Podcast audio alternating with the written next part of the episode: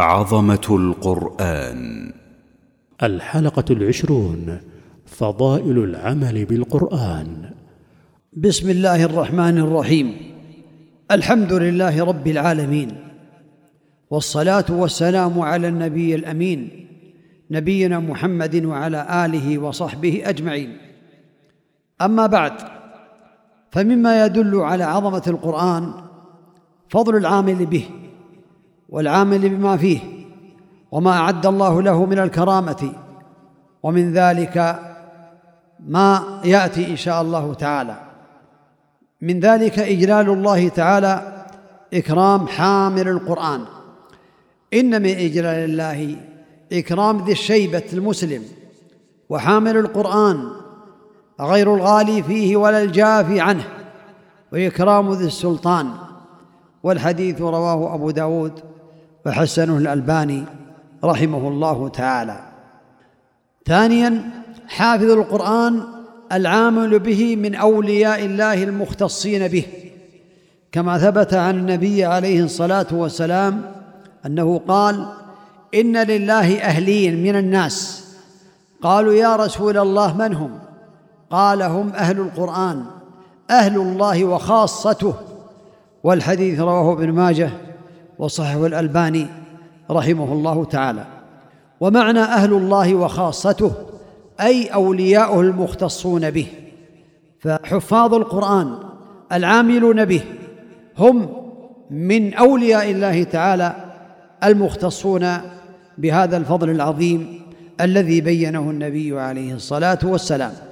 حامل القرآن يعطى الملك بيمينه والخلد بشماله ويوضع على رأسه تاج الوقار ويكسى والداه حلتين لا تقوم لهما الدنيا وما فيهما. لحديث أبي هريرة رضي الله عنه قال قال رسول الله صلى الله عليه وسلم يجيء القرآن يوم القيامة كالرجل الشاحب يقول لصاحبه تعرفني؟ أنا الذي كنت أسهر ليلك وأضمئ هواجرك وإن كل تاجر من وراء تجارته وأنا لك اليوم من وراء كل تاجر. فيعطى الملك بيمينه والخلد بشماله ويوضع على رأسه تاج الوقار ويكسى والداه حلتان لا تقوم لهما الدنيا. وما فيهما؟ فيقولان يا رب أنى لنا هذا. فيقال لهما بتعليم ولدكم القرآن. هذا من فضل الله تعالى. والحديث رواه الطبراني في الأوسط وقال الألباني رحمه الله تعالى حسن صحيح. ومن حديث بريدة يرفعه من قرأ القرآن وتعلمه وعمل به ألبس يوم القيامة تاجا من نور ضوءه مثل ضوء الشمس ويكسى والداه حلتين لا تقوم بهما الدنيا فيقولان بما كسينا هذا فيقال بأخذ ولدكم القرآن رواه الحاكم وحسنه الألباني رحمه الله تعالى. هذا فضل عظيم فضل كبير نسأل الله تعالى من فضله.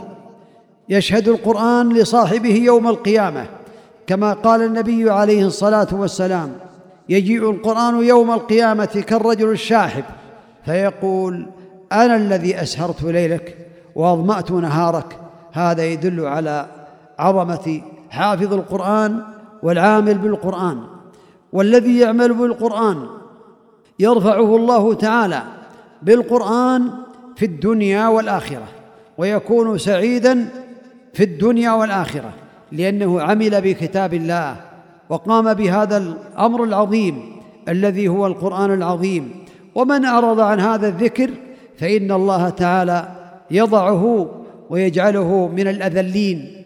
ولهذا ثبت عن النبي عليه الصلاة والسلام إنه قال إن الله يرفع بهذا الكتاب أقواما ويضع به آخرين. يضع به من أعرض عنه ويرفع به من عمل به. أسأل الله تعالى بأسمائه الحسنى وصفاته العلى أن يجعلني وإياكم من الحاملين للقرآن العاملين به. وصلى الله وسلم وبارك على نبينا محمد وعلى آله وأصحابه أجمعين. جزى الله الشيخ خير الجزاء. وجعله في ميزان حسناته. والسلام عليكم ورحمة الله وبركاته.